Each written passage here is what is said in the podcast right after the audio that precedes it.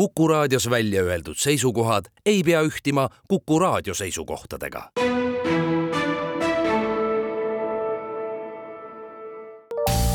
terviseks. saade valmib koostöös Ida-Tallinna Keskhaiglaga. vaata ka itk.ee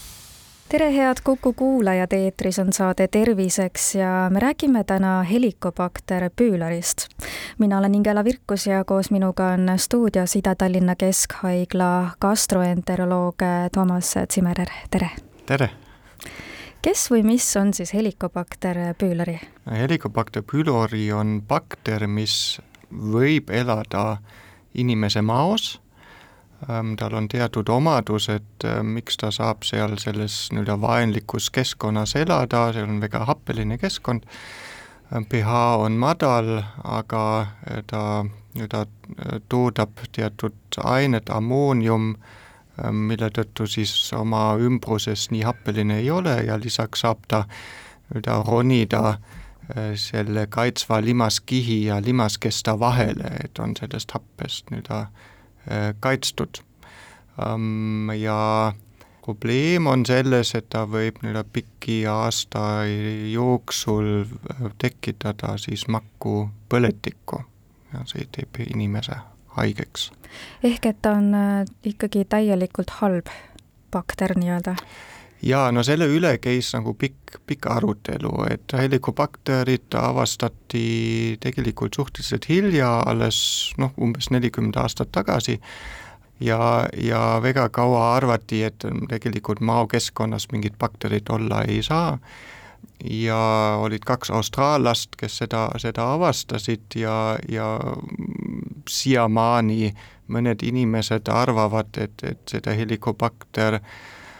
RIT on meil näiteks vaja, et see on osa meie nii-öelda noh,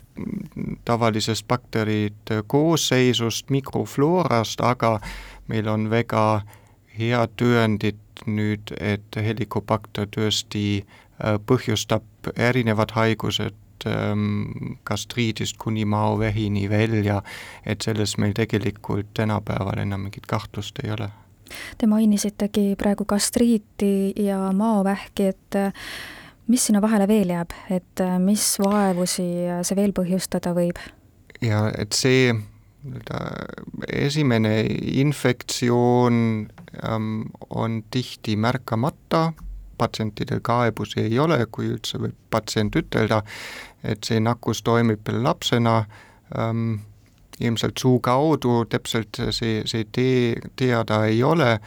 Ja siis ähm, võivad inimesed olla aastakümneid asümptomaatilised ja siis mingil põhjusel, kas tulevad teised faktorid juurde, siis tekib äh, maos ähm, äh, noh, põletik. Ja selle ähm, püsiva ähm, aastaid kestva põletiku foonil siis ähm, läheb see limaskest osaliselt katki, me nimetame seda atroofiaks, ja, ja see, sellega läheb lahti selline kaskaad, mis siis jällegi aastakümnete jooksul ähm, võib viia maovähini välja, et see on õnneks selline väga väike osakaal patsientidest kindlasti nii-öelda arvuliselt suurem probleem on just see gastriit ehk maolimaskesta põletik koos nende samade kaebustega, mida patsiendid siis kaebavad, ülakõhuvalud, iiveldus, täiskõhutunne, rühatised, võib ka tekitada mao kaksteist sõrmiksuule haavandit näiteks, on kõige olulisem riskifaktor, ja siis üksikutel patsientidel ka, ka maokasvajad kuidas äh, helikobakter inimese organismi üldse saab, et te mainisite, et äh, tihtipeale satub see kõigepealt laste organismi ja siis aasta, aastakümnete äh, vältel areneb siis kuidagi nagu kas siis näiteks gastriidiks või halvemal juhul siis maovähiks või kuidagi teistmoodi veel, et kuidas ta üldse alguses inimese organismi jõuab ja miks just lastele? Noh, teooria on see, et lapsed noh, puutuvad väga palju siis väliskeskkonnaga kokku, nad noh, ei jälgi mingisugused, mingisugust hügieeni, kas see nüüd on selline emast lapse peale ülekandmine või lapsest, ühe, ühest lapsest nagu teise, see ei ole sadaprotsendiliselt siiamaani teada,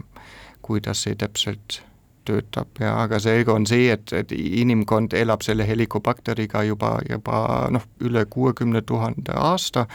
et geneetilised uuringud seda näitasid, et ja see ei ole selline noh, väga ohtlik haigus üldjuhul ähm,. siin Eestis elavad näiteks noh, kuskil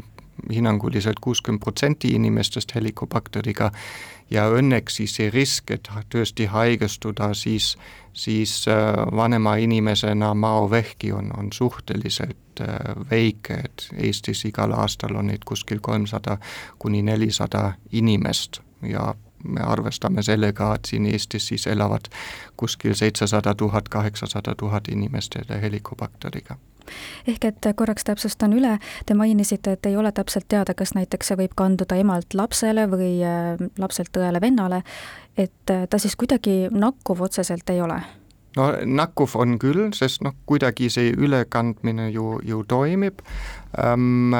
aga ähm, tavaliselt ei ole see selline nakatumine, kus inimene jääb äh, nagu ägedaks haigeks, et ähm, meil kõigil on kuskil üks-kaks korda aastas on näiteks selline noh, ütleme kõhugripp jutumärkides ehk gastroenteriit ja, ja, ja noh, üldjuhul me ainult sellepärast arsti juurde ei käi, ei tee mingid analüüsid ja nii edasi, et seega on võimalik, et üks selline intsident näiteks on see helikobakter nagu üle, ülekandlus. Ähm,, näiteks need austraallased tegid sellist eksperimenti, kui seda helikobakterit nii-öelda tuvastati et tõesti tõestada, et ähm, see tekitab haigust, siis äh, minu meelest oli see, see arst Marshall, kes siis äh, jõi lahust, kus oli isoleeritud see helikobakter sees ja siis kahe päeva jooksul tal tekkis nagu äge gastroenteriit. aga te mainisite vist et, et kuuekümnel protsendil eestlastest umbes, on, äh, aga kuidas te teate või kuidas nad teieni jõuavad, kui äh, inimene ei pruugigi aru saada, et see helikobakter äh, organismis tegutseb ja toimetab? jaa, et ähm, noh, siiamaani ei ole meil mingisugused nagu juhendid või tõendid, et me peaksime tõesti seda helikobakterit terves ühiskonnas otsima ja, ja ka ravima, see suund ilmselt natuke liigub sinna ähm,, aga hetkel veel mitte ja, ja meie juurde siis satuvad need inimesed just äh, kaebustega ja need on need tüüpilised, nagu meie ütleme, nii-öelda düspeptilised kaebused, mis viidavad siis mao limaskesta põletikule või näiteks mao haavandile, kaksteist sõrmiksuule haavandile ehk ähm, ülakõhuvalud, valud seal kolmnurgas epigastriumis, iiveldus ähm,, täiskõhutunne, rühatised, võib-olla on inimesel aneemia, ähm, madal hemoglobiin, me otsime selle põhjuse, teeme näiteks maauuringud ja leiame seal põletikku. Et äh, nakatutakse juba tõenäoliselt lapseeas, äh, see on teada, aga kas on ka mingi piirkond võib-olla, kus seda rohkem levib, et äh, mul on kõrvu jäänud, et rohkem vist esineb seda nagu näiteks arengumaades kas saab kuidagi sealt välja tuua või ja. eristada? no seal on see küsimus, kas see on nagu hügieeniga seotud. Ähm,, näiteks noh, ütleme Lääne-Euroopas, USA-s on see esimene sagedus ähm, või prevalents on, on väiksem, kuskil kolmekümne, neljakümne protsendi ringis, et arengumaades ähm, siin Ida-Euroopas, Venemaal, Aafrikas on, on see protsent oluliselt suurem, kuuskümmend kuni seitsekümmend protsenti me jätkame oma vestlust juba homme kell neliteist nelikümmend viis. terviseks. saade valmib koostöös Ida-Tallinna Keskhaiglaga. vaata ka itk.ee